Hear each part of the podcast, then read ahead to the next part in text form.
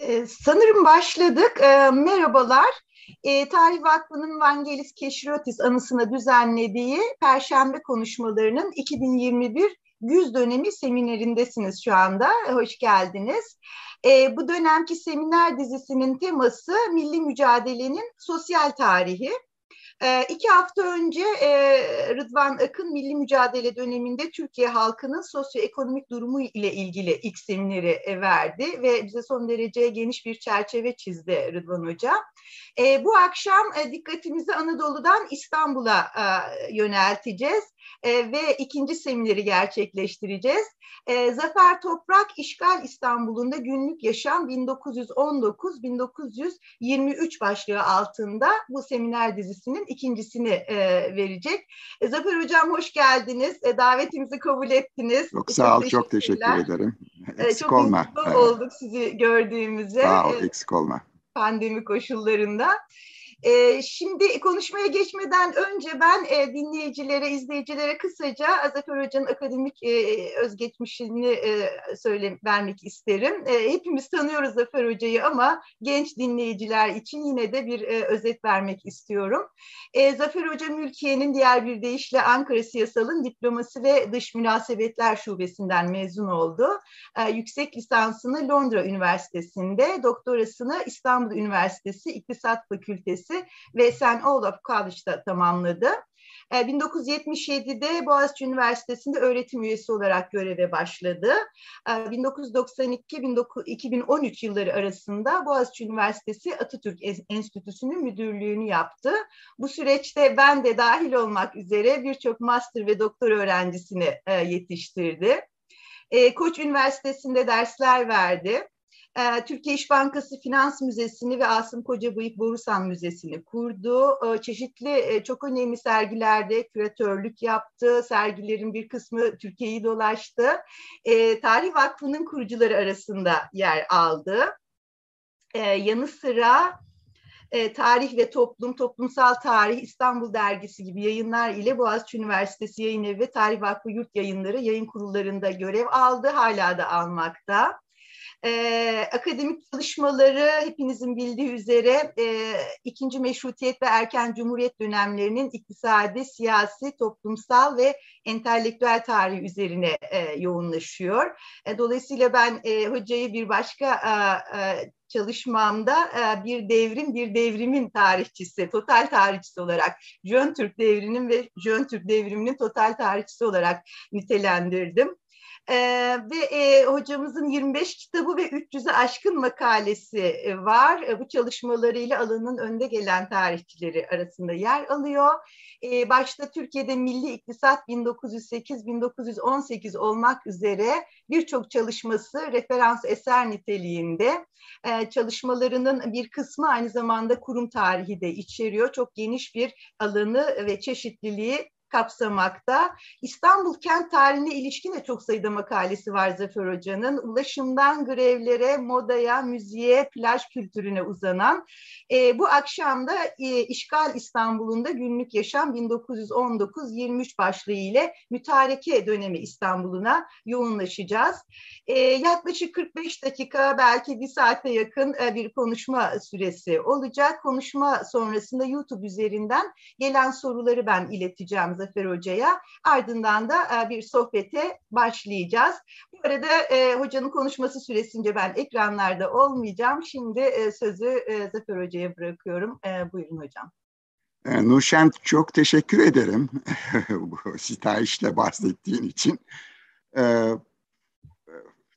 Mütareke daha doğrusu işgal İstanbul'u ya da mütarekeyi de kapsadığımız takdirde aslında benim üzerinde epey yazıp çizdiğim bir evre.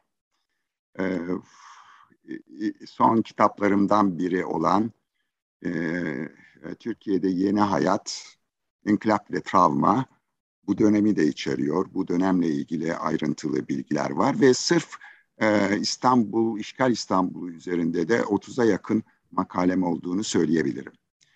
Şimdi İstanbul 5 yıla yakın işgal altında kaldı. Onu belirtmekte yarar var.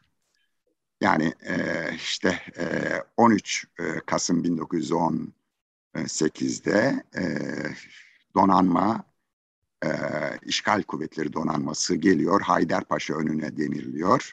O tarihten itibaren işgal başlıyor. Ve bildiğimiz gibi e, İstanbul Kurtuluşu diye nitelendirdiğimiz e, 6 e, e, Eylül'e kadar bir dönemde e, İstanbul işgal altında kalıyor. Şimdi e, aslında e, e, bu dönemde bu dönem kaotik bir dönem. Hemen onu belirteyim. Çünkü e, bir iktidar boşluğu var. E, çünkü sarayın pek e, e, e, müdahale edebilecek durumu yok. İşgal kuvvetlerinin kendi bölgelerinde sözü geçiyor. Ve bu tabii toplumda belirli tırnak içerisinde e, bunu vurgulamak isterim. Belirli bir özgürlük anlayışı da getiriyor. Getirmiyor değil. Yani e, ama bu özgürlük anlayışı e, artılar olduğu gibi eksileri de beraberinde getiriyor. E, her şeyden evvel e, İstanbul e, uzun yıllardır savaş görmüş bir kent. Balkan Harbi ardından e, e, Birinci Dünya Savaşı, Cihan Harbi. O yüzden yoksulluk her geçen gün daha bir tırmanmış durumda. E, bu nedenlerle İstanbul aslında bu yıllarda sefaletle sefa, sefahatı e, bir arada yaşıyor diyebiliriz. E, evet bir ekonomi var ama e, ahlak çöküntü, ahlaki çöküntü üzerine kurulu bir ekonomi diyebilirim. İşte bu dönemde e, alkol var, fuhuş var, kumar var, esrar var. Yani ne kadar böyle olumsuz etmen varsa bunu görmemiz mümkün bu evrede. Yani önemli ölçüde bir ahlaki çöküntünün olduğundan söz edebilirim. E, zaten bu daha önce başlamıştı, Can Harbi yıllarında başlamıştı. E, ve e, işgal yıllarında, mütareke işgal yıllarında bu daha da bir etkin bir duruma geldi. Ve ben filmlerden gördüğüm kadarıyla bu dönemin İstanbul'unu e, e, işgal altında, daha doğrusu Vietnam Savaşı'nda Saigon'a benzetiyorum e, bir ölçüde. Benzer normlar orada da geçerli olduğunu söyleyebilirim. Şimdi tabii burada önemli bir nüfus hareketi var. Onu e, göz ardı etmemek gerekir. Şimdi her şeyden evvel Rus göçmenler var. Bu yıllarda İstanbul'a akın eden işte e, Denikin, Rangel ordularından döküntüler. E, çünkü e, Türk İstanbul dışında ve Sırbistan dışında bu insanların gidebilecekleri bir yer yok. Vize e, almaları gerekiyor, alamıyorlar. E, ve parasız pulsuz bir şekilde İstanbul'a sığınmış durumdalar. Birçok Rus göçmen. Bunların miktarı tabii tek bir yılda değil. Yani kademe kademe gelen oluyor, giden oluyor filan. 200 ee, bine kadar vardığı söyleniyor. Ama kesin rakamlar bulmak e, son derece zor. Öte yandan işgal orduları var. İşgal orduları e, e, İstanbul'a e, e, önemli ölçüde bir e, kabus gibi çöküyor. E, ve aslında bu iki faktör işgal ordusuyla Rus göçmenler özellikle Rus dilberler diyeyim yani kadınları sanki ateşle barutu simgeliyor o tarihlerde. Şimdi e, bu evreyi bize en iyi aktaran yazarlardan biri Masar Osman. Masar Osman e, psikiyatr ve e, çok ilginç gözlemleri var Masar Osman'ın e, o dönemin Türkiye'si ile ilgili. E, ve çöken payitahtı, Osmanlı payitahtını şu satırlarla ifade ediyor. Onun satırları bu. Um, umumi harp oldu bitti. Yani Birinci Dünya Savaşı oldu bitti. Umumi harpte içenler parası bol bir takım türediler, soysuzlardı. Yani içki tüketenler bunlardı diyor. Mısır ekmeği yemekten, şeker hasreti çekmekten insanların çoğu içkinin tadını bile unutmuşlardı. Lakin mütareke oldu, düşman orduları çekirge gibi İstanbul sokaklarına yayıldı. Otomobil içinde sarhoş Amerika bahriyelileri, kucakların, kucaklarında zil Rum dilberleri Beyoğlu'nun büyük caddelerinde resmi geçit yapıyorlardı. Barlarda İngiliz neferleri viski ile zil zurna olduktan sonra rastgelene saldırıyorlardı. Hele Fransızların koloni askerleri yapmadıklarını bırakmıyorlardı. Rum ve Ermeni kahpelerin aşklarıyla coşan ve galibiyet neşesiyle taşkın bir bu medeniyet ordusuna ki işgal ordusunu kastediyor, Bolşeviklerden kaçan Çar enkazı da ilave edildi. Bizans ömründe görmediği sefahat hayatını sürüyordu. Bizans'la kastettiği İstanbul tabii. Lokanta ve barlarda hizmet eden birbirinden güzel Rus prensesleri, kontesleri bu sarhoş alayını büsbütün çıldırdı, çıldırtmıştı. İçki bu aşkı doyuramıyordu. Beyaz toz, kokain aldı yürüdü. İstanbul'un mahalle kahvelerine kadar sarışın Rus dilberleri beyaz tozu soktular. Kokain ile halkın aklı, tombala ile yani tombala oyunu ile parası çalınıyor. Tımarhanelere kokainmonlar, kokain, kokainomanlar, eteromanlar, morfinomanlar doluyordu. İstanbul Allah'lıktı, her hükümet karışıyordu. Hiçbir hükümet bir şey yapamıyordu. Halk kütlesi elden gidiyordu. Topla, tüfekle, teyyare ile, bomba ile dünyanın 40 küsür milleti İstanbul'u ezememişti. İstanbul kokaine, fuhuşa esir oldu. Çar ordularına 600 sene karşı duran İstanbul Rus orospularının Rus orospularına mağlup olmuştu. Masar Osman'ın e, tanımı daha doğrusu İstanbul'la ilgili, ilgili gözlemi böyle. Gerçekten e, e, İstanbul e, mütareke yıllarında bir geçiş evresi yaşadı. Yani Osmanlı'dan Cumhuriyete olan yöneliş. E, ve bu süre içerisinde son derece siyasi yönden de karışık bir coğrafya, e, karışık bir coğrafyaydı. E, İttihatçılar yenilmişti, itilafçılar iktidara oyn oynuyorlardı. İşte yargılamalar oluyordu İttihatçıları. E, bu arada tabii Anadolu Hareketi kendi uzantılarıyla İstanbul'da e, etkin bir konuma gelme çabası içerisindeydi. İşte Mim Mim grubu gibi, Karakol Cemiyeti gibi bunlar e, e, İstanbul'da Anadolu safında, Anadolu'nun safında yer alan ve Anadolu'ya silah kaçıran e, e, e, grupları oluşturuyorlardı. Tabii bütün bunlara rağmen, yani daha doğrusu bu arada tabii şunu da belirtmekte yarar var. E, Meclisi Mebuzan da gene bu yıllarda son kez toplandı e, ve e, misak milliyi e, ilan ettiğimiz gibi e, ulusal egemenlik e, ilkelerini e, gündeme getirdi. Ama e, mis, e, Meclis-i Mebusa'nın ömrü kısa oldu. E, kısa süre sonra e, e, işgale uğradı ve kapanmak durumunda kaldı ve bunun sonucu olarak da Ankara'da e, bir meclis açıldı 23 Nisan 1920'de. Şimdi e, ben daha çok sosyal yönüyle ilgili size bilgi aktaracağım.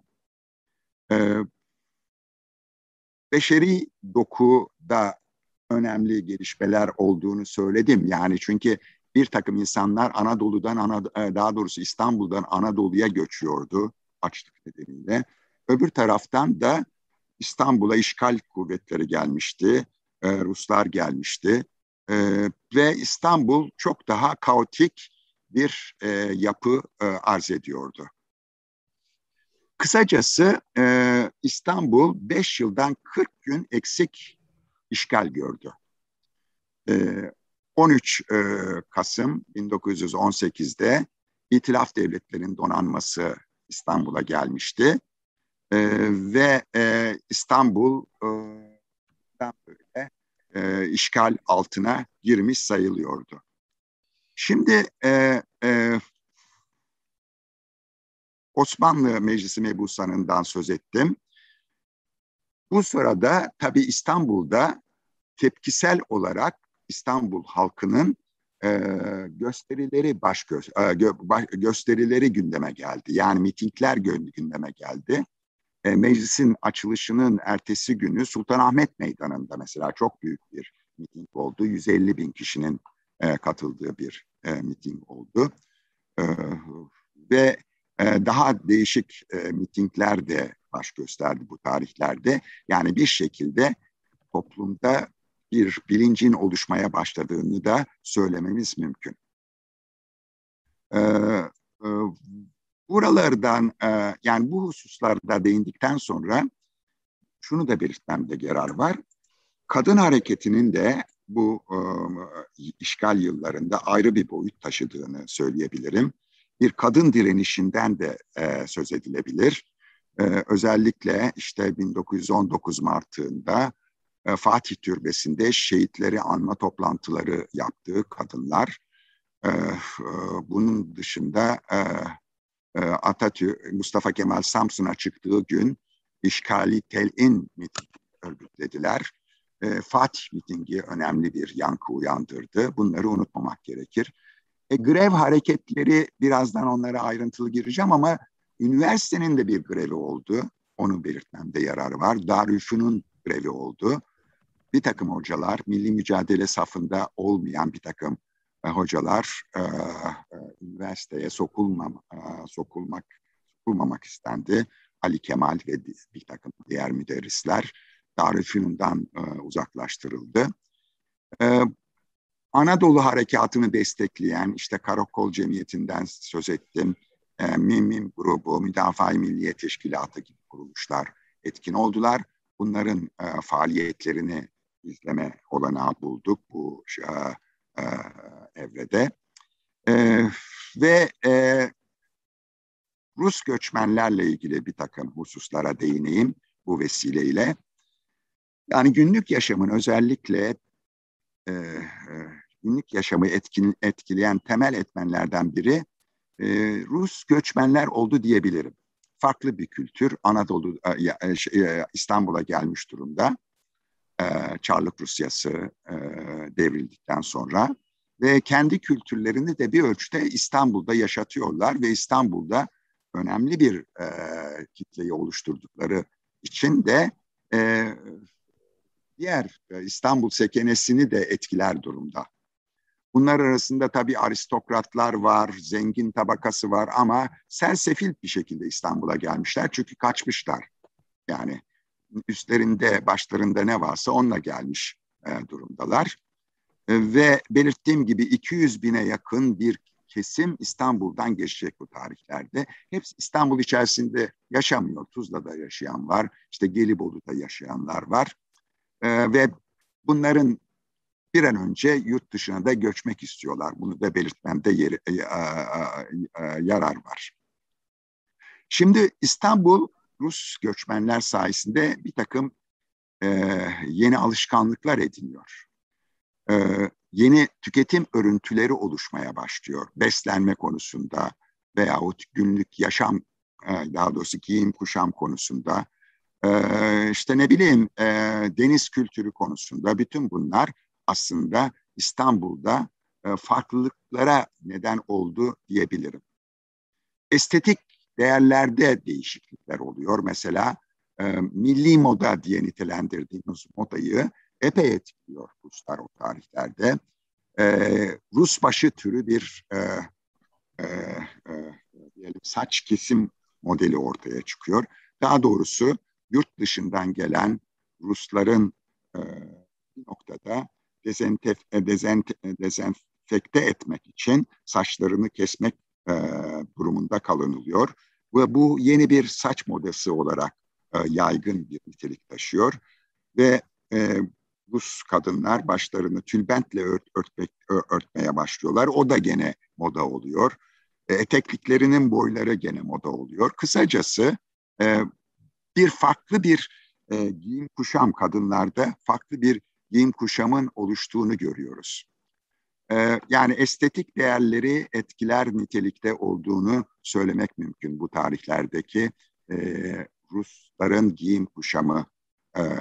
Mesela omuzları yırtık bir takım elbiseler giyiyorlar. Bu da bir moda oluyor tıpkı bugün bu blue jeanler gibi o tarihte.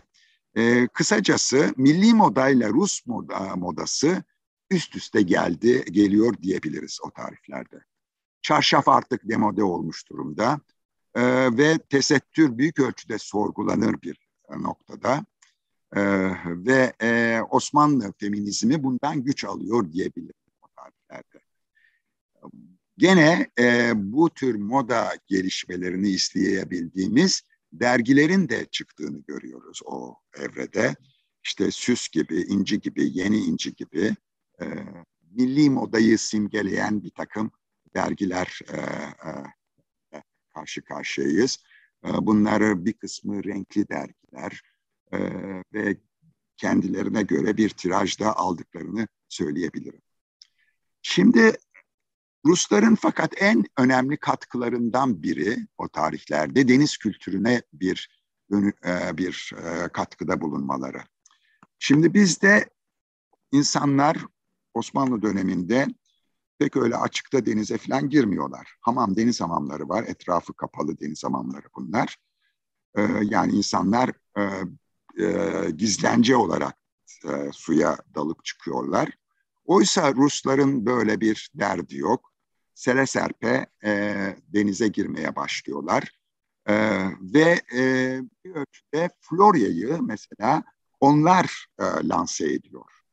Florya aslında Florya denilen bir kuştan geliyor adı. E, bizim insanlarımız buraya yani bu coğraf, bu e, kıyıya daha çok bu kuşun sesini dinlemek için e, e, e, gidiyorlar. Çınarların altında menba suları çevresinde e, bir şekilde e, zaman geçiriyorlar. Ama Ruslar geldiği vakit bunlar denize girmeye başladıklarında ve bu kız e, kızgın kumlar üzerinde e, güneşlenmeye başladıkları vakit bu tabii e, özellikle İstanbul erkeklerini çok yakından e, cezbediyor. E, ve e, Flürye ya da Florya'ya akın etmeye başlıyor İstanbul erkekleri sırf göz banyosu yapmak için. Bu arada tabii mesire yerlerinin de değişmekte olduğunu söyleyebilirim. Yani bizde eski mesire kültürü bildiğiniz gibi belirli bir tatlı suyun çevresinde oturup e, e, bir şekilde yemek yemeye yönelik ya da kayık sefası gibi etkinlikler. Ama mütareke ile birlikte mesire anlayışının da önemli ölçüde değiştiğini görüyoruz. Zaten savaş yıllarında e, gayrimüslimlerin e, Boğaz'da köyün ötesinde oturmaları da yasaklanmış durumda. Bir takım güvenlik gerekçeleriyle nüfus içeriye alınıyor çünkü o tarihlerde. Ve bu nüfus yani Boğaz'ın gayrimüslim nüfusu da Anadolu yakası yani Marmara kıyısında Anadolu yakasına ve adalara yerleşiyorlar. Ve artık e, onların da e, e, bir şekilde deniz kültüründe daha etkin bir rol oynadığını görüyoruz. İşte yelkendi, şuydu buydu, bu tür etkinlikler veya kayıktı, kayık e, kürek yarışmaları falan bütün bunları o tarihlerde yoğun bir şekilde görmeye başlıyoruz. E, zaten spor etkinliklerine birazdan değineceğim. Yani İstanbul'da da gene bu işgal yıllarında, mütareke yıllarında spor etkinlikleri giderek patlıyor diyebilirim. Çünkü işgal kuvvetlerinin kendi e, takımları var, futbol takımları var. E, etnik unsurların kendi e, takımları var. Futbol başta olmak üzere işte e, boks gibi, güreş gibi e, etkinlikler İstanbul'da çok daha yaygın bir şekilde görülüyor. Zaten e, bu tarihlerde İstanbul'da YMCA var. E, yani bir noktada Hristiyan e, genç, e, gençlik örgütlerinin e, gittiği bir takım kurumlar var. Bunların da e, kendi jimnastikhaneleri var. Bu jimnastikhanelerde de etkinliklerin sürdüğünü söylemek mümkün. Şimdi içki kültüründe de önemli gelişmeler olduğunu söyleyebilirim. Her şeyden evvel bizde içki kültürü o tarihlere kadar işte Serk Dorian türü çok böyle seçkin insanların gittikleri yerler dışında veya Perapalas dışında genellikle Galata'da izbe, izbe meyhaneler. Ama buralardan, buralardan barlara doğru bir geçişin olduğunu görüyoruz. Çünkü gelen Rus göçmenler barları da Türkiye'ye getiriyorlar. Bar kültürünü Türkiye'ye getiriyorlar. Ee, böylece izbe meyhaneler barlara terfi etmiş oluyor. Ee, keza bu evrede kafe konserler oluşmaya başlamış durumda. Ee, ve sesleri akorsuz Roman aktörler, kendi ülkelerinde gözden düşmüş Fransız şantözler, garip şiveli Danimarkalılar, Japonya'dan gelme cambazlar, kısacası feleğin savurduğu tüm insanlar bir şekilde İstanbul'a üşüşmüş durumdalar. Bu da ilginç bir yönü. Ee, ve e, İstanbul delikanlısı da İstanbul delikanlı sekenesi de bu kafe konserlere işte e, devam etmeye, müdavimi olmaya başlamışlar. E, ve barlar da büyük ölçüde rağbet görmüş durumda. Yani kısacası içki kültürünün daha bir vurgu aldığı bir evre e, ve karışanı görüşeni de yok. Yani eski İstanbul'da yani daha doğrusu mütareke öncesi İstanbul'un da içkinin öyle e, her yerde serbestçe içilebilmesi e, mümkün değil. Tabii gene gene yeniliklerden biri o tarihlerde sinema kültürü. Meşrutiyette sinema var ama mütareke yıllarında ve işgal yıllarında dışarıdan film gelmeye başlıyor. Özellikle işgal askerleri için bu önem arz ediyor. Ve e, İstanbul sekenesi de bunlara müdavim oluyor. Aslında bu filmler bir e, yani e, kendi dönemlerini, kendi daha doğrusu dünyayı devretmiş, aşınmış filmler. Bunlar art arta gösteriliyor. E, çoğu e, kez Fransız yapımı diye halka yutturuluyor bu filmler. Ama son derece düşük kaliteli filmler olduğunu burada belirtmekte yarar var. E, e, ve e, İstanbul'un sekenesi ellerinde pastırma ya da sucuk ekmek e, bu e, sinemalarda müşteri olarak e, bulunuyor. E, direkler altında, direkler arasında falan bu tür sinemaların sayısı giderek artıyor. Keza tiyatro kumpanyaları var İstanbul'da. E, Fransız e, kumpanyaları olduğu iddia ediliyor. E. Ee, e, özellikle Paris'in Cimnaz Tiyatrosu'ndan gelmiş diye ilan ediliyor bunlar. Ama şiveye baktığınız vakit Felemenkçe'ye çalıyor ya da Alman aksanıyla Fransızca konuşuyorlar. Kısacası aslında Fransız kültürünün ayrı bir e, yeri var. O nedenle devamlı Fransa'dan gelen e, işte, e, ekipler olarak tanıtımı önem kazanıyor. E, ve tabii e, e, bunlarla birlikte özellikle Be Beyoğlu cihetinde lokantaların açıldığını görüyoruz. Lokanta kültürünün açıldığını, lokantaların çoğaldığını görüyoruz. Konser, bar, kabare, kumarhane gibi bir takım gelişmeler buralarda oluyor. Ama bunların da asıl işletmecileri Ruslar, Rusya'dan gelen göçmenler. Yani bir tür gece hayatının doğmakta olduğunu. Çünkü eskiden gece hayatı dediğimiz vakit sırf Ramazanlar kastediliyor, Ramazan ayı kastediliyor. Oysa şimdi e, öyle bir Ramazan'a özgü değil, hemen her ay gece hayatı var. E, e, ve e, bu gece hayatında e, e, bir takım lokanta kültürünün önemli bir yer e, tuttuğunu görüyoruz. Ve burada tabii bu lokantalarda çalışanlar da büyük ölçüde Moskov kadınlar yani garson olarak Mos e, Rusya'dan gelen kadınlar. Bunlar tabii ayrı bir cazibe noktası e, olduğunu söyleyebilirim bu e, garsonların. E, böylece bu işgal yıllarında durgun ve kapalı yaşamını yitiriyor İstanbul. Çok canlı bir yaşam e, türü başlıyor İstanbul'da.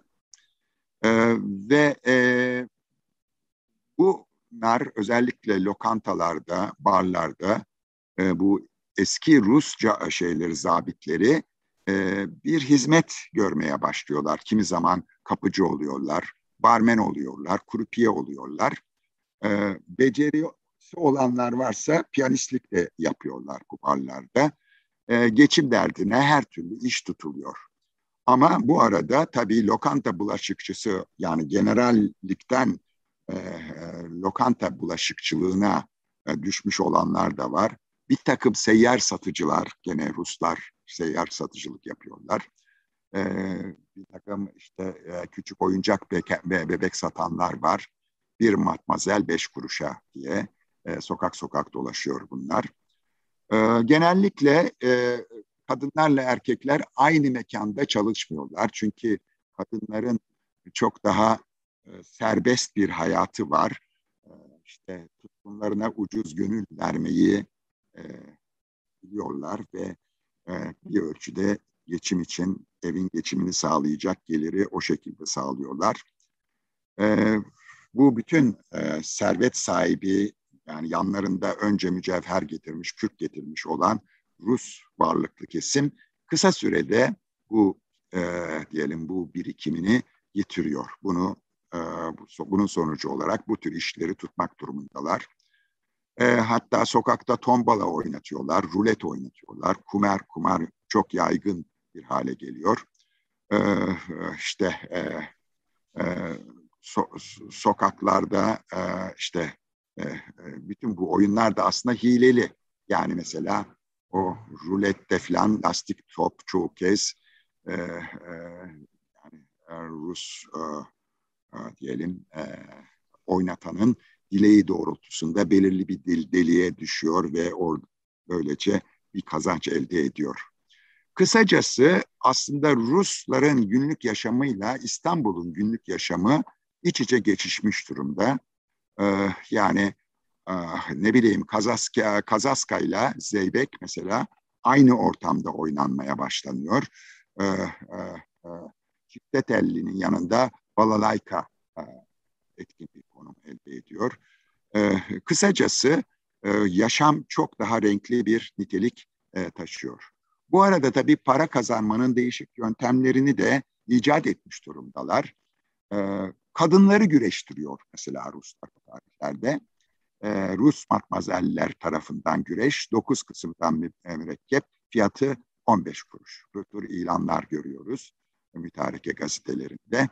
E, tabii e, güreşen e, kızların güreş tekniği konusunda bir şey bildiklerini söyleyemeyiz. Ama e, seyretmeye gelenler zaten e, güzel e, e, hanımların vücutlarını, kıvrat hareketlerini e, görme peşindeler. Ee, peş, olduk, e, yani bu e, genellikle bu doğrultuda bir eğilimin olduğunu görüyoruz. Ee, bu arada tabii bizim geçmiş direkler arası büyük bir darbe yiyor. Yani bizim eski bildiğimiz kantocular, şamranlar, virjin, e, virjiniler, amelyalar bunlar sessizce sahneyi terk ediyorlar. Artık kadın imajının da büyük ölçüde e, değiştiğini görüyoruz. Yani bedensel olarak da değiştiğini görüyoruz. E, işte işte geçmişin yemeğe salça, kadının da e, kalça türü sözler artık anlamını yitirmiş durumda. Bundan böyle şişman, tombul, kalçalı kadınlar ancak Osman Hamdi'nin tablolarında kalmış oluyor. Ee, ve kadın bedeni yeni ölçüler elde etmeye başlıyor. O tarihlere kadar e, semirmek üzerine bir takım kitaplar yazılırken kadınlar için şimdi zayıflamanın e, üzerine kitapların e, ele alındığını, bunların rağbet gördüğünü gör, e, görüyoruz. E, e, e, ve bir şekilde Rus variyeteleri milli sinemada da etkin bir şekilde faal olduklarını görüyoruz. E, milli sinemada e, e, özellikle e, müşterileri önemli bir ziyafet bekliyor. E, sahnede e, e, o dönemlerde hala tesettürün olduğu bir dönem aslında. ince bir ten falinası giyip akrobasi hareketleri yapıyor e, Rus kızları. E, bu tabii dudakları uçurtuyor o tarihlerde İstanbul erkekleri bağlamında. e, bu hileli bir giyim aslında artisti çıplakmış gibi gösteriyor. E, tabii çıplaklık giderek daha bir anlam kazanmaya başlıyor o tarihlerde. Buradan en çok yararlanan da e, İstanbul'daki e, ressamlarımız oluyor. Resim sanatı e, önemli bir katkıları oluyor e, Rus dilberlerin. Çünkü artık e, biz manzara resminden nülere doğru, çıplak kadın resmine doğru geçmeye başlıyoruz. İşte Sanayi Nefise Mektebi'nde aslında Rus dilberler e, model olarak durmaya başlamış durumda. E, bu da onlar için kolay para kazanma yöntemlerinden biri. Yani erkek sanayi nefise mektebinde, kız sanayi nefise mektebinde e, bu o, modelleri e, sık sık görüyor. Bunların en ünlülerinden biri Nina adlı kadın. Yani Mısır püskülünü andıran saçlarıyla Nina gerçekten mütareke yıllarında sanayi nefiseni, sanayi nefisede el üstünde tutulan bir e, kadın model. Yani Namık İsmail'in, Çallı İbrahim'in, Teoman Duran'ın resimlerindeki kadın aslında Nina adlı bir Rus e, dilberi diyebilirim. Ve Galatasaray sergilerinin içeriği de değişmeye başlıyor. Artık geleneksel manzaralardan nülere doğru bir geçiş başlıyor bu sergilerde. Ee, e, bir şekilde kadın, çıplak kadın fecri temsil eder oluyor.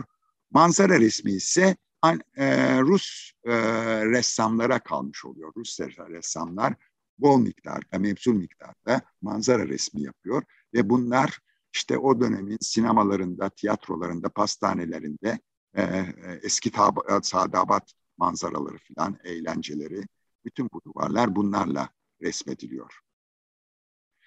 Şimdi e, gene kadınların, özellikle Rus kadınların aktif oldukları bir sektör tombalacılık. Yani tombala çektirmek e, e, hala bugün bile İstanbul'da gö- e, bildiğimiz bir e, kumar türü. E, ve Rus kadınları güzelliğiyle, zerafetiyle İstanbul erkeklerini e, büyülemiş durumdalar ve bunlar kapı kapı dolaşıyorlar. Daha doğrusu kahvehane kahvehane dolaşıyorlar. Kıyı bucak hemen her kahvehanede Rus kadınları e, tombalar çektirmeye başlıyor, başlıyorlar. E, ve e, erkekler de bütün evin geçimini e, bir şekilde e, buraya e, e, harcamak durumunda e, oluyorlar. Bir müddet sonra tombalacı kadınlarla mücadele cemiyeti bile kuruluyor. Yani bunlara karşı bir cemiyet bile kuruluyor.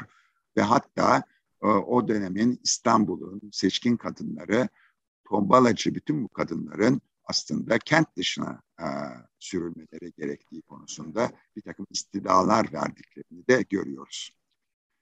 Belirtmiştim lokantalarda, pastanelerde filan artık e, garson Rus kızlar çalıştırılmakta.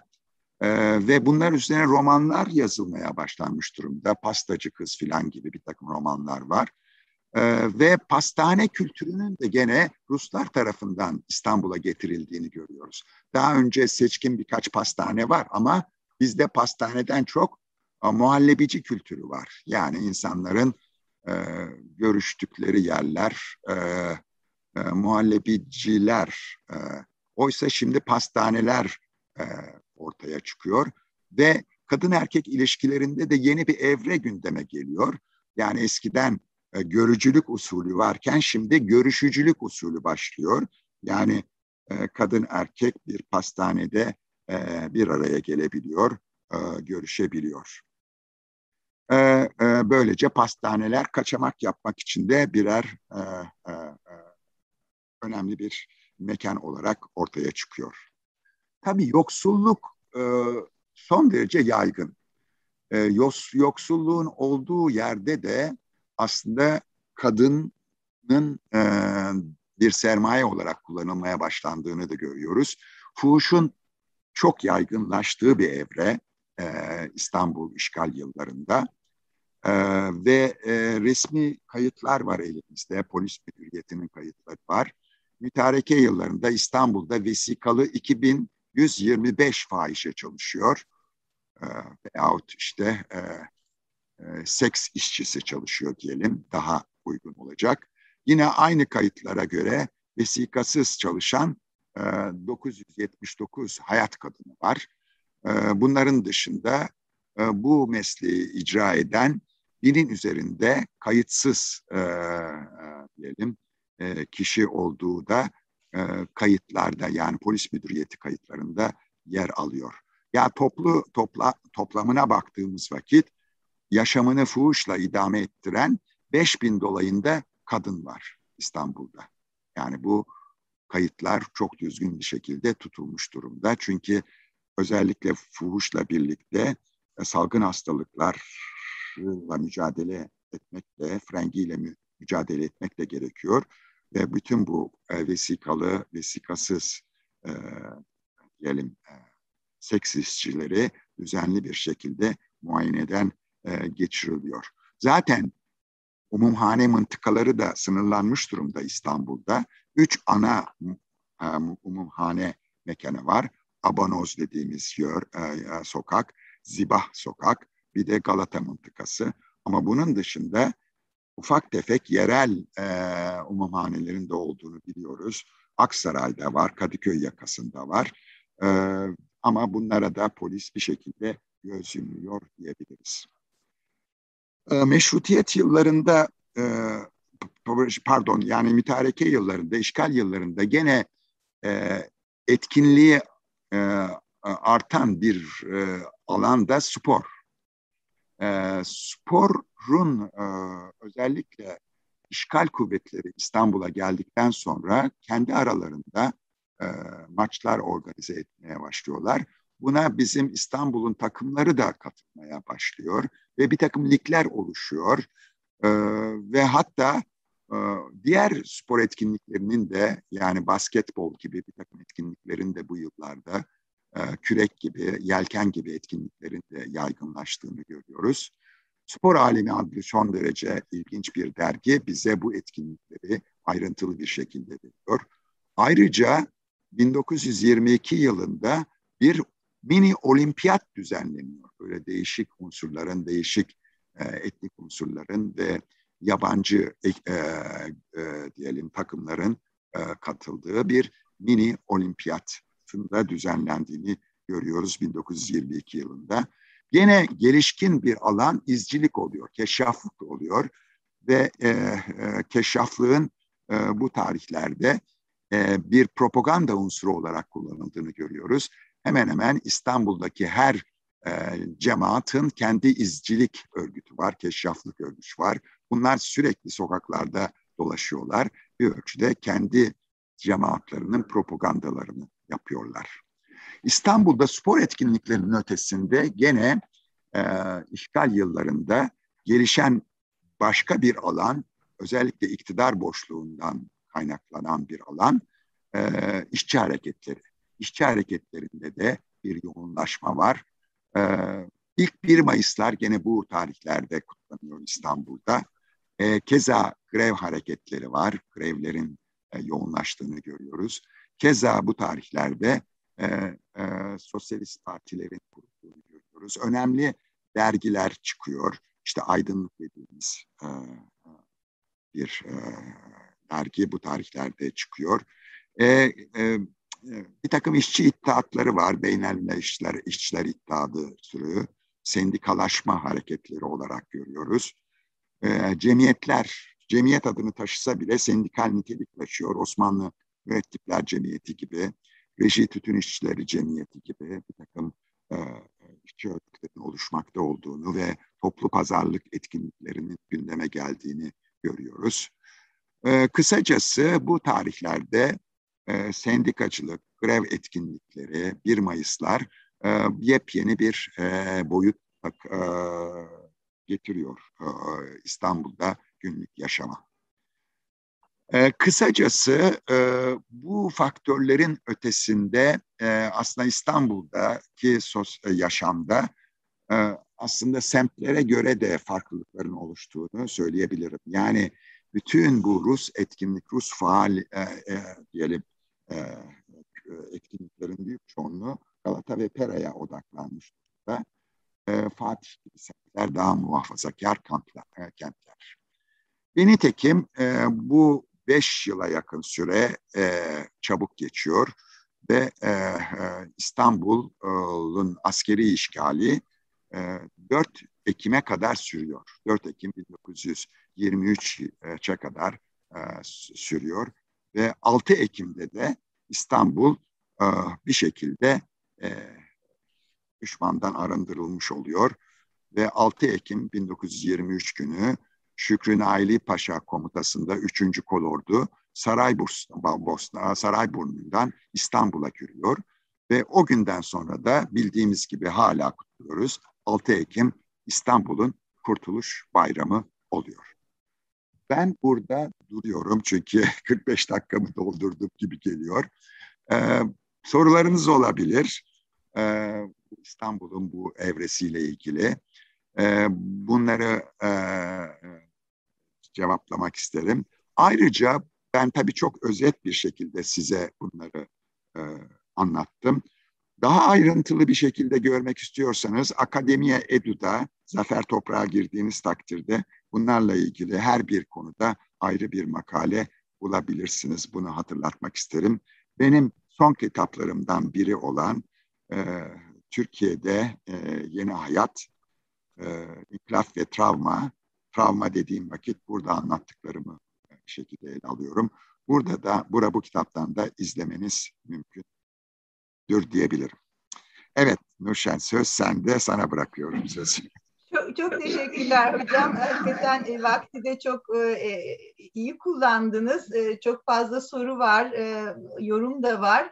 E, fakat e, ben hemen başlamadan onlara e, sizin e, söz ettiğiniz özellikle de Galata, Pera e, ve Florya'yı da katarsak hani o işgal İstanbul'un bunaltıcı ruh halinden çok son derece eğlenceli, e, göz alıcı manzaralar var. Bu hani işgal İstanbul'u deyince çok daha karamsar bir e, tablo genellikle aklınıza geliyor ama siz bir hayli canlı bir İstanbul tablosu ortaya çıkarttınız. Bu, bu konuda ne dersiniz? Başka Nurşen yalnız bak birçok işgal ortamlarında aynı durumla karşı karşıya geliyoruz. Ne bileyim Paris işgal edildiği vakit orada da benzer türde bu tür tırnak içerisinde eğlence hayatının olduğunu e, görebiliyoruz. Yani e, bir şekilde insanlar günlük dertlerinden ancak bu tür eğlencelerle e, kop, e, uzaklaşabiliyorlar. E, bir de tabii e, yani her gün e, karalar basmıyor e, yani bir şekilde e, öyle bir e, atmosferden de kurtulmak istiyor insanlar açıkçası. Ama tabii bu eğlence kültürü bizde bildiğin gibi daha çok e, Osmanlı'da Ramazan'a özgü bir olay. Oysa bu yıllarda aslında bütün e, yıla yayılması da ilginç hususlardan biri olarak gözlenmesi gereken bir e, değer diye düşünüyorum ben şahsen. Hmm. Evet e, ama tabii ben işi biraz folklorik yönünü vurgulama çabasında oldum. Ama tabii insanlar kan alıyor. Onu da burada belirtmem gerekir. Önemli ölçüde e, bir sefalet var. E, burada pek onlara girmedim ama kitabımda ele alıyorum. Önemli intihar olayları var. Yani e, özellikle genç kız kadın intiharlarının yoğun olduğu bir evre olarak görüyoruz. Yani işin karamsar e, yönü de başka bir gerçek olarak ele alınması e, gerekiyor. Şimdi zaten e, sorularda belki onu birazcık daha e, açma imkanı olacaktır hocam. Ben e, sorulara geçiyorum o halde. E, bakalım e, epey bir soru var. İlkinden başlıyorum. Adnan Yarar iyi yayınlar diliyor. İşgal döneminde İstanbul'daki azınlıkların mal varlığında astronomik bir değişim oldu mu diyor. Şimdi e, tabii e, yani azınlık dediğimiz gayrimüslim unsur e, daha bir gözetilen özellikle işgal kuvvetleri tarafından gözetilen bir kesim olduğunu söyleyebilirim. Ama ortada bir servet de yok. Yani daha doğrusu e, ancak işte işgal kuvvetleri için e, gelen bir dizi erzak var. Ama zaten o tarihlerde yani esnafın bir şekilde burada yani azınlık diye nitelendirilen esnafın da bu tür ticarette önemli bir rolü olduğunu eskiden beri biliyoruz. Ama bir Aralık meşrutiyetin son evresinde özellikle savaş yıllarında e, mağduriyeti söz konusu idi gayrimüslim esnafın o zamanın milli iktisadı nedeniyle. Şimdi tabii o cendereden de çıkmış durumda İstanbul. O nedenle bir takım e, yani daha avantajlı bir durum e, gözete, e, gözettiklerini e, söylemek mümkün. Ama e, şöyle bir beklentileri var onu da söyleyeyim. Tabii bütün e, gayrimüslimlerin değil ama artık e, İstanbul'un da çok farklı bir coğrafyanın parçası olacağı beklentisi içerisindeler. Onu da belirtelim. Tıpkı Batı Anadolu'da olduğu gibi. Hı hı. Ee, Selçuk Esri'nin sorusuyla devam edelim. Ee, günlük hayattaki yabancı askerlerin gelmesiyle birlikte alışveriş için yabancı paralar kullanılır mıydı yoksa Osmanlı parası mı kullanılırdı diye soruyor. Şimdi tabii Osmanlı parası çok büyük ölçüde değer kaybetmiş durumda o tarihlerde. Osmanlı parasıyla kastedilen evrak-ı nakdiye ise yani kağıt para dediğimiz bir şey ise yani kağıt paranın esamesi okunmuyor artık. Çok büyük ölçüde değer kaybetmiş durumda e, ve büyük ölçüde yabancılar kendi paralarını da getirmiş durumdalar. Onları da kullanıyorlar ve Osmanlı parası dendiği vakit olsa olsa Mecidiye gündemde olabilir. Yani altın ve gümüş Mecidiye gündemde olabilir. Ama onların önemli bir kısmı da gömüye gittiği için onların da pek ortalıkta olduğu söylenemez. Ama gene belirttiğim gibi evrak-ı nakdiyenin bir tedavülüden söz etmemiz mümkün o evrede. Her türlü zaten Osmanlı'nın bütün Osmanlı tarihinde e, değişik para türleri de e, Osmanlı'nın kendi parası yanında e, tedavül görmüştür. Bunu da unutmamak gerekir. Hı hı. E, Onur Kır e, soruyor. Sayın hocam özellikle Beyoğlu'nda Rum azınlığın hakim olduğu bir gece hayatı var. Rusların gelmesiyle değişen gece hayatında Rusların popülerliğinin artması Rum azınlık tarafından nasıl karşılanır diyor. E, tabii onlar bir ölçüde yani ama yani miktar olarak büyük ölçüde bir artış var. Eğlence ve benzeri lokanta kültüründe, pastane kültüründe falan.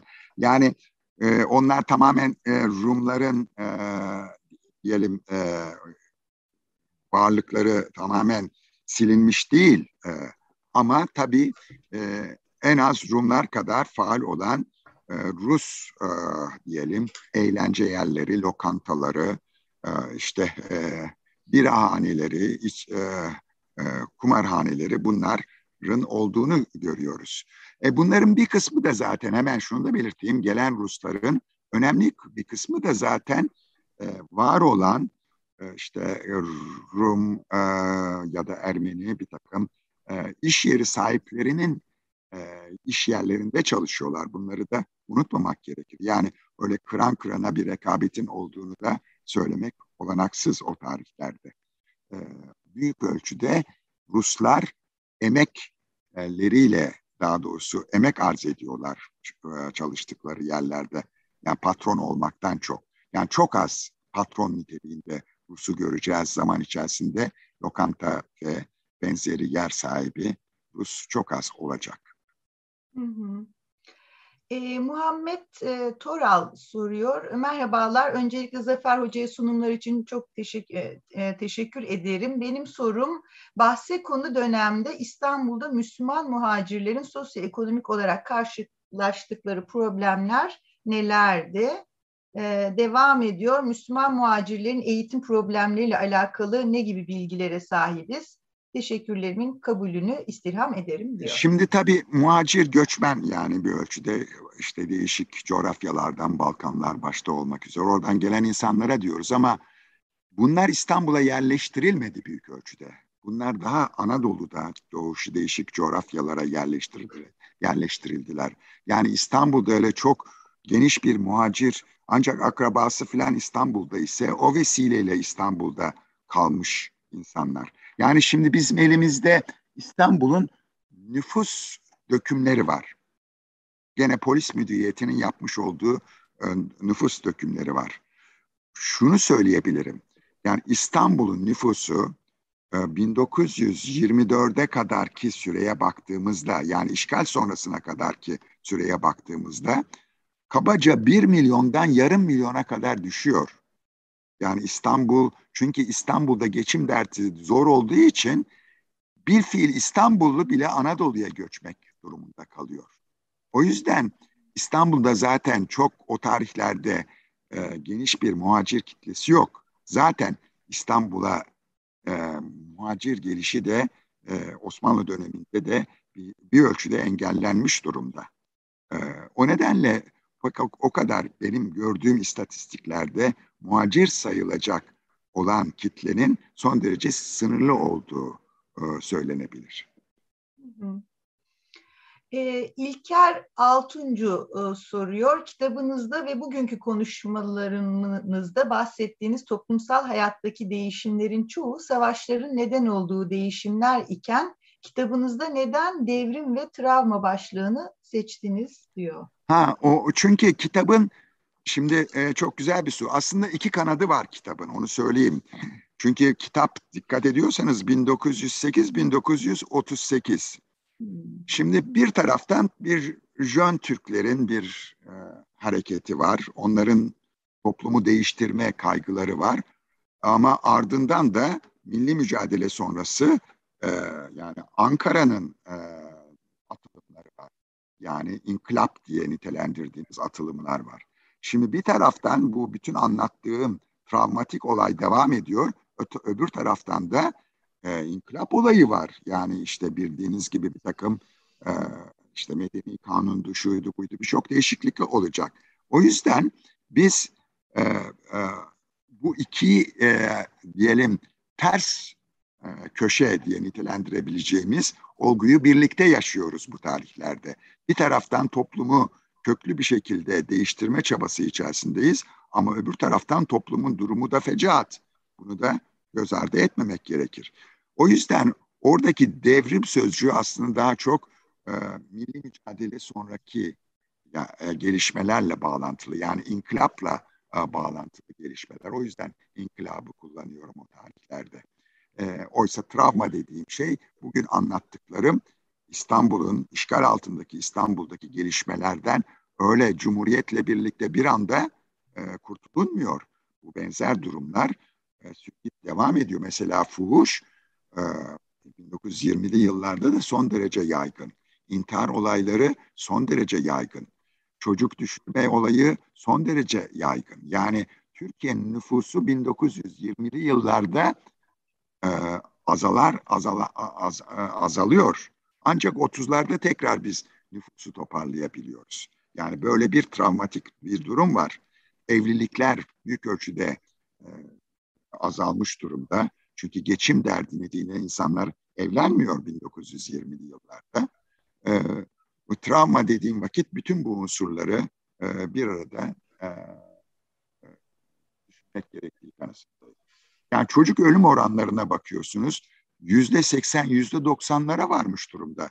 Feci bir durum. Yani hakikaten nüfusun artışı e, artması imkansız bir e, unsur olarak karşımıza çıkıyor. Ancak biz 30'lu yıllarda işte mesela fuhuş yasaklanıyor daha sonra. Engelleniyor. Birleş, daha doğrusu Milletler Cemiyeti de bu e, alanda önemli bir takım e, kararlar alıyor. E, ve evlilikler özendiriliyor. İşte e, devlet e, bir takım vergi muafiyetleri ve benzeri şeyler işte çocuklara, e, doğan çocuklar için prim ödeme gibi bir takım yollara gidiliyor. Ve bu sayede biz 1927 nüfus sayımıyla 1935 nüfus sayımı arasında yani birinci ve ikinci nüfus sayımı arasında ki nüfus artışımız dünyada ikinci Sovyet Rusya'dan sonra çok hızlı bir nüfus artışı gerçekleşiyor ve bizim o tarihlerden itibaren de demografik devrim dediğimiz yani nüfus devrimi dediğimiz bir olguyu yaşıyoruz ki o e, olgu sonucunda bugün işte 83, 84, 85 milyona varmış durumdayız. Hı hı. Evet, e, John Türk'ün sorusu var. Hocam Karakol e, Cemiyeti ve Mim grubu gibi teşkilatı mahsusa artı direniş gruplarının Yunan ordusunun İstanbul'a gelmesi durumunda direniş başlatma ve Ayasofya'yı patlatma planının olduğu doğru mudur? Vallahi öyle bir efsane var ama yani yani neden olsun o? Yani çünkü o tarihlerde e, Ayasofya'nın e, cami e, olduğunu unutmayalım. Yani öyle bir şeyi niye patlatsınlar? E, yani e, öyle bir yani ama tabii bu evrelerle ilgili her türlü e, efsanelerden söz ettiğimiz öyle bir şeyin olduğuna dair. Çünkü Karakol Cemiyeti ile ilgili kayıtlarımız var. Mimim grubuyla ilgili kayıtlarımız var. Yani onların önemli bir işlevi Anadolu'ya e, silah sevkiyatı gerçekleştirmek ve bir müddet sonra zaten Anadolu Harekatı başı buyruk harek e, davrandıkları için e, karakol e, cemiyetini işte kara vasıfı filan e, devre dışı bırakmak durumunda kalıyor. Yani e, e, çok daha İstanbul'a kendi yani, yani e, diyelim yönetiminin ağırlığını koymak durumunda kalıyor. E, Jön Türk devam ediyor. E, hocam ülkemizde sinema sektörünün doğuşunun Birinci Dünya Savaşı sırasında Alman propaganda filmlerinin oynatılmasıyla başladığı doğru mu? Saygılarımla, sevgilerimle. Şimdi e, şöyle değil. Yani e, sinemada e, bizim kendi propaganda filmlerimiz var. Onu söyleyeyim bir kere. Hmm. Yani mesela İtibar Milli Bankası'nın kuruluşuyla ilgili bir takım filmler çevrilip gösterildiğini biliyoruz. Ama maalesef elimizde yok bu o, filmler. Ama al, yani İstanbul'da henüz daha yeni yeni doğmakta e, sinema mekanı. Çünkü sinema elektrik gerektiriyor bir ölçüde. Yani e, silahlar e, işte elektrik fabrikasından bir ölçüde yararlanılıyor. Oradan elektrik temin ediliyor. E, yani bir takım e, sinemalarda daha doğrusu e, İstanbul'da o tarihlerde yani e, Dünya Savaşı tarihlerinde e, böyle e, yoğun bir sinema faaliyetinin olduğunu da ben şahsen gözlemlemedim. Ama Türkiye'de e, e, sinema tarihçileri var. Onlara e, bir kez daha danışmak gerekir diye düşünüyorum. E, bir takım sinema e, öne e, ilk adımlar atıldığını biliyoruz ama e, asıl sinema gösterilerinin işgal İstanbul'unda olduğunu Evet, e, tekrar ben dönüyorum. Jön Türk'ün bir dizi başka sorusu daha var ama e, sonra döneceğim ona. Diğer e, sorulara bakayım. Sonra bak, vakit kalırsa tekrar Jön Türk'ün sorularına döneceğim. E, bu arada yeniden evet ben de e, sırayı tekrar e, bulmaya çalışıyorum. Ee, evet, Bülent Tandoğan İngiliz işgalinde İstanbul'un meşhur yangınlarının çok azaldığı doğru mudur diyor. Yani İstanbul e, yani arasında bir korelasyon, bir nedensellik kurmak e, e, gerekir. Yani böyle bir sualde yani daha önceki yangınlar kasıtlı yangınlar da daha sonra İngilizler yani bir şekilde e, zapturapt altına aldığı için yangınların azaldığı şeklinde e, bir gerekçe olabilir mi? E, sanmıyorum. Sanmıyorum. Yani bu dökümler elimizde yangınla ilgili dökümlerimiz var. Yani onlara bakmak gerekir. Ama yani o tür bir gelişmenin olduğunu ben şahsen bilmiyorum ve sanmıyorum. Çünkü İngilizlerin denetledikleri bölgelerde de daha çok ahşap değil kagir binalar var. Yani hmm. bizim ahşap binalarımız daha böyle Fransızların filan hakim oldukları Fatih ve benzeri semtlerde çok daha yoğun olduğunu biliyoruz. E, Melih Güneş soruyor, e, hocam işgal dönemi en çok tiraja ulaşan dergi ve gazeteler hangileri? Hangi yazar ve gazeteler öne çıkıyor sizce diyor. Şimdi tabii e, bir e, İstanbul basını var, onu söyleyeyim. E, Sabah, İktam gibi e, bir takım e, gazeteler var. Bunlar sürekli e, sansür yiyorlar. E, çünkü en önemli hususlardan biri kağıt bulmak çok son derece zor. Kağıt sıkıntısı var. Anadolu'daki gazeteler hemen hemen yani e, son derece güç koşullar altında e, faaliyet gösterdiklerini biliyoruz. Yani Hakimiyeti Milliye gibi. Şimdi bazı gazetelerde zaten milli mücadele nedeniyle Ankara'ya e, kayıyor. Mesela e, Yeni Gün Anadolu'da Yeni Gün olarak Yunus Nadi'nin daha sonra Cumhuriyet olacak gazete e, Anadolu'ya e, şeye gidiyor Ankara'ya gidiyor o tarihlerde. E, ama e, belirttiğim gibi İktam gibi Sabah gibi gazete e, gazeteler Ankara İstanbul'un e, Alemdar mesela gene önemli bir. Yani İstanbul'daki gazetelerin bir kısmı Anadolu hareketini destekliyor, bir kısmı muhalefet. Mesela Alemdar o muhalif gazetelerden birini oluşturuyor. Ee, yani e, gazete sayılarında önemli ölçüde azalma olduğunu da söyleyebilirim. E, Hı hı. E, Bülent Tandoğan, e, Rumlar bu dönemde İngilizlerle aleni işbirliği yaptılar mı? İşgale karşı tutumları neydi diye soruyor. Devamında Bilge Kris'in dönemi anlatan kitabı hakkındaki yorumunuzu soruyor Bülent Tandoğan. İkincisinden başlayayım. Bilge Hanım gerçekten bir boşluğu doldurdu o yazdığı tezle. Çok kapsamlı bir tez değil ama e, yani biz ilk böyle meş, e, şeyle ilgili e, işgal yılları İstanbul'u ile ilgili derli toplu bir çalışma olarak Bilge Kristin kitabını e, gördük. E, onu burada belirtmem gerekir. Ama tabii konu o kadar geniş ki benim bu anlattıklarım mesela o kitapta yok. Yani e, daha çok siyasi gelişmelerin ağırlıklı olduğu bir kitap, Bilge'nin e, kitabı. E, yani e, Rum e, Ortodoks kesimi e, Anadolu harekatını desteklediğini söylememiz e, güç, hatta olanaksız. Yani e, çok daha farklı bir e, noktaya gelinmişti. Yani artık Osmanlı çökmüş durumda. Herkes kendi başının çaresine bakmakta. E, Rumlar da bir şekilde işte e, Yunanistan'la birlikte bir e, e, kimlik kazanma çabası içerisinde e, oldular. Yani o yüzden zaten mübadele oldu, nüfus mübadelesi oldu. E, savaş ertesi Lozan'la birlikte. Yani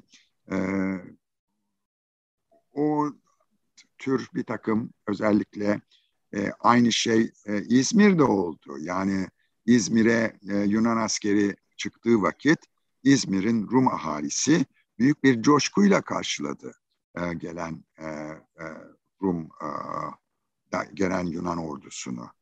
Yani bu o, ve o nedenle de zaten e, milli mücadelenin son aşamasında İzmir'in Rumları da bir şekilde e, Yunan askerleriyle birlikte Anadolu'yu terk etmek durumunda kaldılar. Bu bir gerçek. Maalesef diyeyim yani bu Anadolu'nun insanları bunlar. Bunlar bizim insanlarımız. Yani bunu da unutmamak gerekir.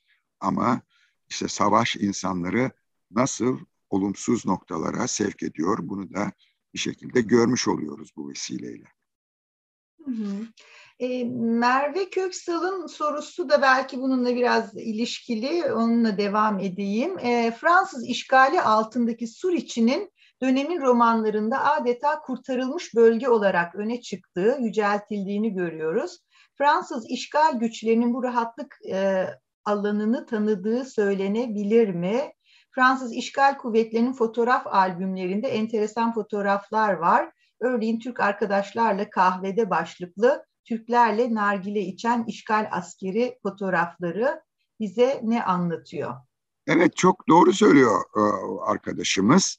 Yani İstanbul'daki ahali, Müslüman ahaliden söz ediyorum. E, bu işgal konusunda e, e, diyeyim tepkisel bir tavır içerisinde olmayan bir kesim de vardı. Yani e, her ülkede işgal edildiği zamanlarında bir şekilde iş, işgalcilerle iyi geçinen hatta işbirliği yapan unsurlar oluyor.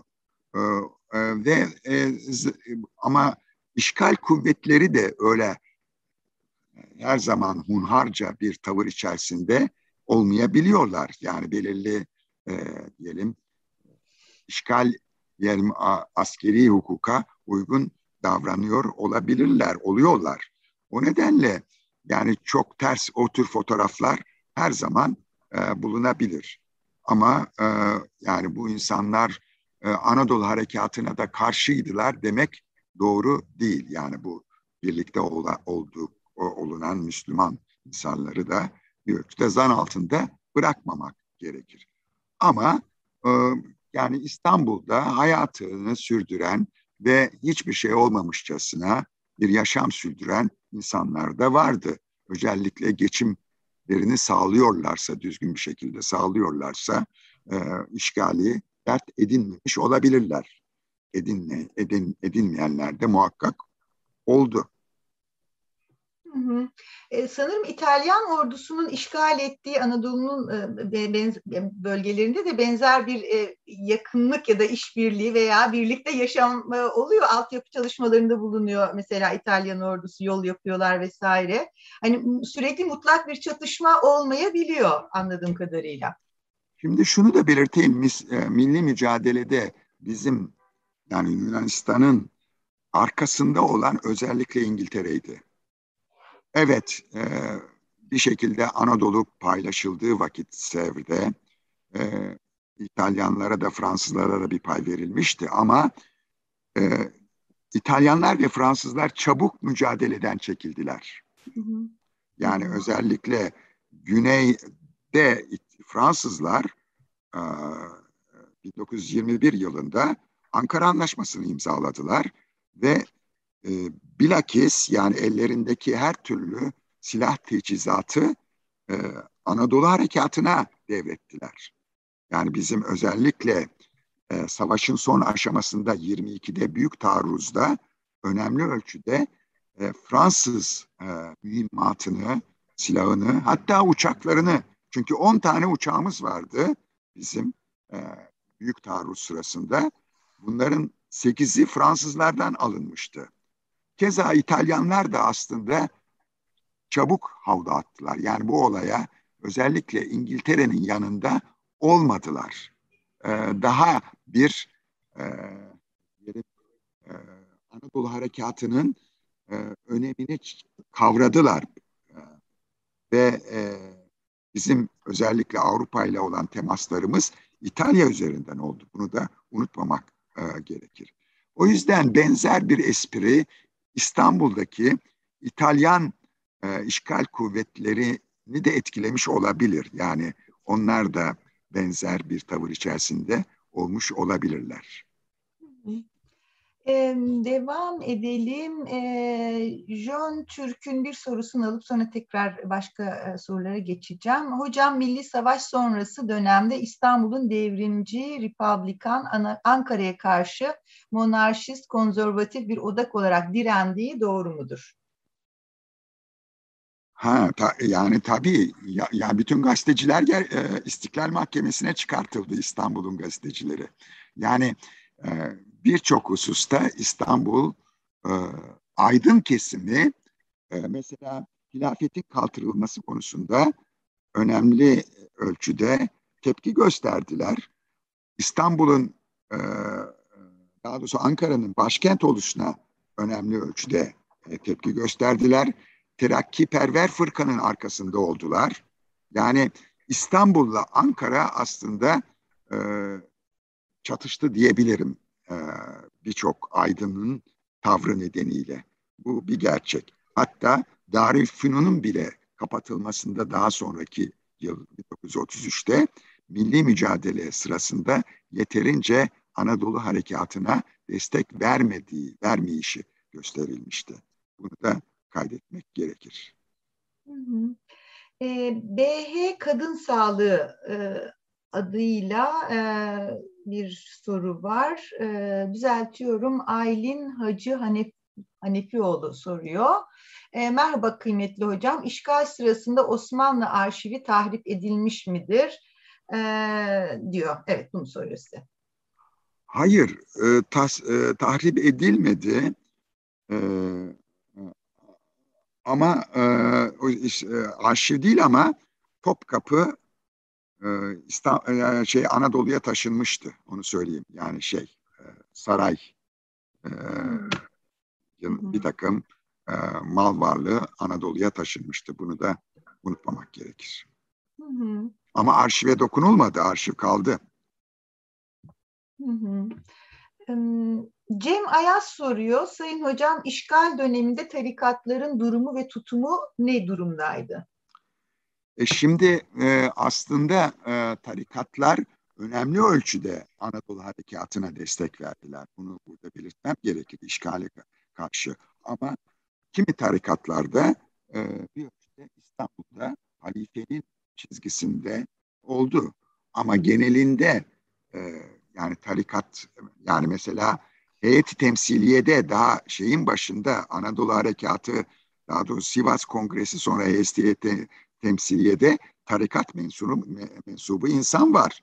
Anlatabiliyor muyum? Yani o yüzden e, Anadolu Harekatı topyekün bir harekat inkılap e, sürecine gündeme getirdi. Ama ne zaman ki e, Anadolu savaş sona erdi, ondan sonra yol ayrımları başladı. Çünkü e, İslam konusunda, hilafet konusunda farklılıkların gündeme gelişi nedeniyle farklı tavır alışların oluştuğunu görüyoruz. E, e, Terakkiperver fırkada bunlar arasında yer aldı tabii. Hı hı. Jön Türk'ün e, çok sayıda sorusu var. E, e, sevgili Jön Türk seçmek durumundayım. Dolayısıyla son sorunuzu tekrar size soracağım hocaya. Daha sonra vaktimiz kalırsa önde sorduğum sorulara döneceğim. Der ki Jön Türk, hocam işgal sırasında İngilizlerin soykırım yargılamalarında delil olması için arşivlerde Ermenilere yönelik bir toplu imha emri aradıkları ama bulamadıkları doğru mudur? Tabii doğru. Doğru. Yani e, e, bir şekilde 1919'da ki e, diyelim e, yargılamalarda e, herhangi bir e, yani orta ihtiyaçların yargılandığı bir dava herhangi bir yani soykırımı e, belge olarak e, kullanabilecekleri belge, e, bir şey çıkmadı. E, arşiv ellerindeydi. Bütün arşiv ellerin. Zaten bu zabıtlar yayınlandı. Onu söyleyeyim size. Yani bir, e, şimdi üç kez yar, yargılandı iddiatçılar. Bir 1918'de yar, yargılandılar. Yani bu 5. şube diye meclisin bir komisyonunda yargılandılar. Divan-ı Harbi Örfi'de yargılandılar 1919'da. Bir de tabii bu İzmir suikastı sonrası 1926'da yargılandılar. Bu Divan-ı Harbi Örfi e, yargılamalarında bir fiil arşiv e, talan edildi. Yani bakıldı, araştırıldı. Bu konuyla ilgili bir takım belgeler e, ortaya konmak istendi ama çıkmadı. Yani böyle bir belge e, e, araştırma tabii yani e, yargılamalar sırasında yapıldı. E, ne kadar etkin bir e, diyelim bir e, araştırma süreciydi. O ayrıca tartışılır ama arşivler açıktı ve arşiv malzemesi de gündeme geldi. Divan-ı Harbi örfilerin, e, örfide 1919'da. Hı hı. Evet, e, sanırım e, yeni sorular e, yani yeni katılımcılardan sorular yok. Onun için Jön Türk'ün kalan sorularını topluca sorup evet. yavaş yavaş bitirebilirim. Jön Türk şöyle demiş önceki sorularında ya da yorumlarında. Erhan Afyoncu Hoca Paris işgali ve İstanbul işgali karşılaştırıldığında biz İstanbul işgali üzerine neredeyse hiç çalışmamışız demişti. Buna katılıyor musunuz? Diyor. E tabii Fransız tarihçiliğiyle Türk tarihçiliğini yarıştırmamak gerekir. E, Fransızların bu konuda çok daha geniş e, çalışmalar yaptıklarını e, söyleyebiliriz. Yani hatta bunlarla ilgili işgal e, e, Paris'i üzerine falan enstitüleri var. Yani e, yani daha doğrusu iki farklı tarihçilik o. Yani daha doğrusu iki farklı ülkenin yani Fransa'nın çok e, diyelim yüzyılların birikimi bir tarihçiliği var. Yani e, bunlar bize e, daha e, yani yeni yeni filizlenen tarihçiliğimizi aynı kefeye koymamamız gerekir. Afyo, e, e, yani Afyoncunun söylediği de bir noktada doğru yani. Ama her konuda aynı onu söyleyebilirim ben. Yani karşı her alanda tar, tartıştıra, tartışabiliriz yani bu e, hususu. Hı hı. E, milli iktisatla ilgili Jön Türk'ün bir sorusu var. Onunla e, bitireceğiz galiba. E, isabetli de oldu. E, der ki e, hocam İttihat ve Terakki'nin milli iktisadı e, günümüzde kadınlara ve siyahilere yönelik uygulamalar gibi dezavantajlı bir sosyal gruba yönelik pozitif ayrımcılık olarak yorumlanabilir mi diyor. E tabi. Yani pozitif bir ayrımcılık var. Yani iddiatçıların özellikle Müslüman esnafı gözeten bir tavrı oldu. Yani kitap zaten onun üzerine inşa ediliyor. Yani öyle bir adı zaten adından belli. Milli iktisat dediğim vakit milliyle kastettiğin e, bir o yerel Müslüman Türk unsuru kastediyoruz bir şekilde tabii. Yani hı hı. öyle bir pozitif ayrımcılık oldu. Yani o e, e, bir şekilde sermaye birikimi öyle gerçekleşiyor. Hı hı. E, ee, bu arada bir birkaç soru daha var. E, Mesut Cengiz hocam işgal dönemi çocukların durumu nasıldı ya da Osmanlı aile hayatı nasıl etkilendi diye soruyor. Bir kere tabii işgal yıllarında e, e, çok e, e, aile fertlerinin e, yitirilişi nedeniyle e, öksüz çocuk çok fazla. Yani ana babasını yitirmiş çocuk. Bir takım yetimhaneler var. Bu amaçla kurulmuş olan yetimhaneler var. E, çocukların durumu çok feci o tarihlerde. Onu söyleyeyim size. E, yani bu arada tabii demin de belirttim. E, çocuk ölümü oranları çok yüksek. Çocuk ölüm oranları çok yüksek nüfusu olumsuz yönde etkileyen hususlardan e, biri olarak göstermek gerekir. E, tabii bu sorudaki daha doğrusu bunlar sosyal konuları yani bunların verilerini oluşturmak da son derece güç. Yani gazete köşelerinde yer almış olan bir takım kırpıntı bilgilerden yola çıkarak değerlendirmeler yapmak durumunda kalabiliyoruz. Ama yani işte bizim e, edebiyatımızda köprü altı çocukları falan gibi bir takım şeyler bize çocukların nedenli e, zor koşullar altında e, yaşamlarını sürdürmek durumunda kaldıklarını gösteriyor. Bunu da unutmamak gerekir. Hı hı. E, Serpil Ocak bir yorum yapmış. Lön Türk'ün sorusuna e, e, bir yorum ben yapayım. Resmi arşivler her zaman doğru değildir ve belgeler değiştirilebilir diyor. E, bu e, yargılamalarla ilgili e, belgelerin yargılamalar sırasında belgelerin arandığına ilişkin soruya bir yorum yapmış. E, bunun dışında Çetin Kaynak, e, hocam tarihçilikten ziyade başkentin işgali bizde biraz utanç e, olarak algılandığı için diyebilir miyiz? Yani işgalin e, yeterince çalışılmamış olması. E, sanmıyorum, sanmıyorum. Ee, yani e, şöyle diyeyim, e, işgalle ilgili dokümantasyonlar daha çok işgal kuvvetlerinin dokümantasyonları. Yani Fransızların, İngilizlerin, İtalyanların filan. Şimdi bu arşivlere gidip çalışmak gerekiyor her şeyden önce. Yani e, Türkiye'deki yani polis elimizde bir takım veriler var. Yani benim de makalelerde kullandığım mesela fuhuşla ilgili bir takım güvenlikle ilgili makale. Polis müdüriyetinin bir takım e, arşivlerinden söz etmemiz mümkün. E, ama e, tabii çok sınırlı ölçüde bir birikimimiz var bu konuda.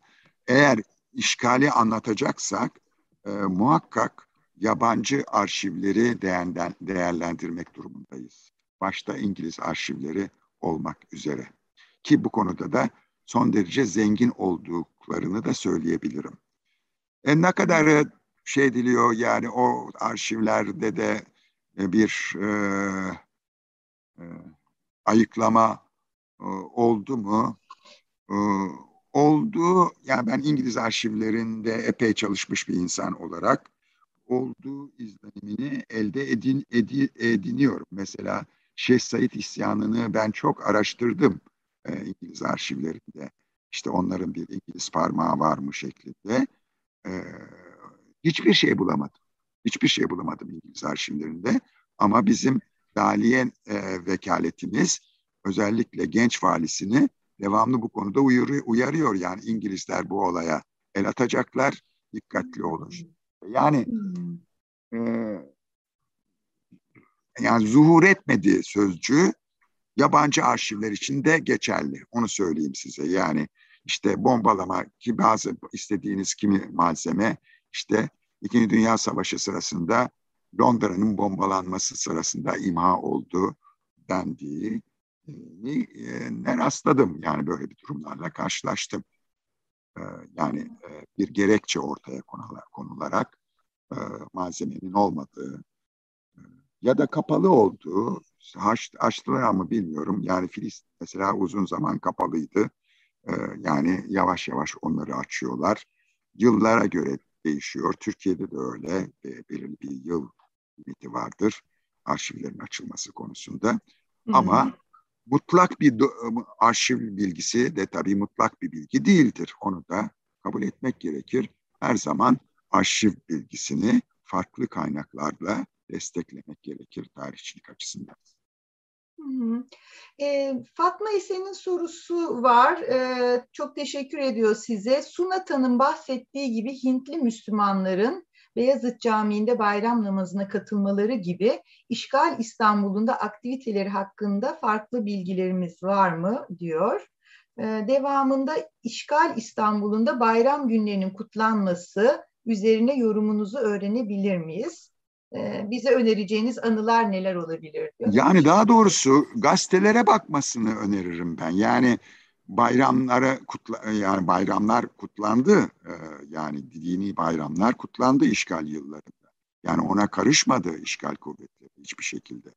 Yani o konuda hiçbir tereddütümüz yok yani bir şekilde. Yani dini hayata müdahaleleri olmadı şeylerin işgal kuvvetleri. Yani işte e, insanlar işte kendi dini vecibelerini yerine getirdiler. Bu konuda e, herhangi bir müdahale olmadı. E, yani e, bu tür yaşamın bu yönleri serbestti diyebilirim. Ama yayın hayatına müdahale ettiler, sansürü uyguladılar, devamlı sansür oldu. E, bir şekilde e, silah kaçakçılığını önleme çabası içerisindeydiler. E, bir noktada e, bir tür barış antlaşmasının beklentisi içerisindeydi işgal kuvvetleri de. Yani e, bir noktada sonuca bağlanmasını bekliyorlardı işgal kuvvetleri bu savaşın. Hı hı. Böylece sorular bitmiş oluyor hocam. Belki ben son bir soruyla kapatabilirim ve belki de aynı zamanda yarın da Cumhuriyet'in e, 98. yıl dönümü bir son sözle de size son sözü bırakacağım. Sorum şu, programın başında henüz bağlanmadan sizinle milli mücadelenin dön, dönemsel dönemini konuştuk ve siz 10 yıllık bir döneme yaydınız. Yani iki, 1913 e, 23 arası ya da 1912-22 yani Balkan Harbi ile başlattınız. E, şimdi gelen soruların bir kısmı e, mesela e, Rum kesimin işgalcilerin varlığından mutluluk duyduğu ve işbirliği yaptığı ile ilgiliydi. Doğal olarak o dönemde ilişkilerin bozulduğundan e, söz ettiniz. E, fakat hani e, biraz benim de yorum gibi oldu ama e, bu ilişkilerin 1913'ten yani sizin deyişinizde milli mücadelenin başından itibaren bozulmaya başladığını söylersek e, nasıl olur? Yani karşılıklı bir ciddi bir 10 yıllık bir e, erozyondan söz edebilir miyiz? Tabii. Yani bu tabii. son bir yılın, iki yılın hikayesi değil bunu demek istiyorum.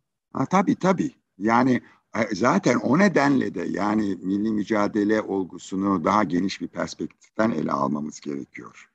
Ee, ve e, yani e, bizim özellikle Balkanları yitirişimiz çok e, büyük etki yarattı Anadolu halkı üzerinde değişik yönleriyle ve e, bir noktada Anadolu halklarının diyeyim unsurlarının e, farklılaşması bu Balkan Harbi ile çok yakından bağlantılı. Yani gelen nüfus da aslında gelenlerle yerleşik arasında da bir takım sorunların çıktığını biliyoruz. Yani e, bir de tabii e, Türkiye'de e, milli mücadeleyi yürüten kadroların e, bütün bu yıllarda bir şekilde belirli bir nesil olduğunu biliyoruz. 1900-1880'lerin nesli bütün bu subaylar işte İnönü, Mustafa Kemal falan bütün bunlar o dönemin bir neslin savaşı olduğunu da söylememiz mümkün bu milli mücadele şekilde. Ya, bu konular bitmez e, Nurşen. Evet, yani o bir şekilde. e, yani, e, ama e, ben e, bunu uzun süredir e, gündeme getiriyorum. Yani bizim milli mücadelemiz 10 yıllık bir savaş olarak bakmak gerekir ve sorunları böyle bir perspektif içerisinde değerlendirmek uygun olacaktır diye düşünüyorum şahsen. Ben bütün dinleyici arkadaşlara özellikle teşekkür etmek isterim. Bu kadar vakitlerini ayırdılar bu işe. Ee, ama şunu da unutmayalım. Senin de söylediğin gibi yarın Cumhuriyetimizin kuruluşunun e, 98. yıl dönümü ve bu cumhuriyeti kuran Mustafa Kemal Atatürk. Bunu da unutmamak gerekiyor. Ve onu saygıyla, sevgiyle ve özlemle anmak hepimizin borcu diye düşünüyorum. E, nice e, e, 29 Ekimlere diyerek noktayı koyayım. Çok güzel bir bitiş oldu. E, ben e, teşekkür ederek e, bitireyim o zaman hocam. Çok çok teşekkürler. Çok güzel bir söyleşi oldu. Çok bir güzel. sonrakini hatırlatsana sen bir sonraki toplantıdaki konuşmacı kimin konuşmacısı? Ee, bir sonraki toplantımız Mehmet Beşikçi hocanın. Mehmet Beşikçi bize e, Birinci Dünya Savaşı e, malullerinin, gazilerinin hikayelerini anlatacak. Onların e, emeklilik ve hayatta kalma mücadelelerini anlatacak. Çok güzel, çok güzel. Onu da izleme fırsatımız olacak. Çok teşekkür evet, ederiz. Biz teşekkür ediyoruz bütün e, izleyicilere, dinleyicilere soruları için e, ve size Zafer Hocam. E, ve ben de Cumhuriyet Bayramı'nı hepimizin kutluyorum Talip Vakfı adına. E, iyi akşamlar diliyorum. Şimdilik iyi akşamlar. kapatıyorum. Hoşçakalın. Sağ olun.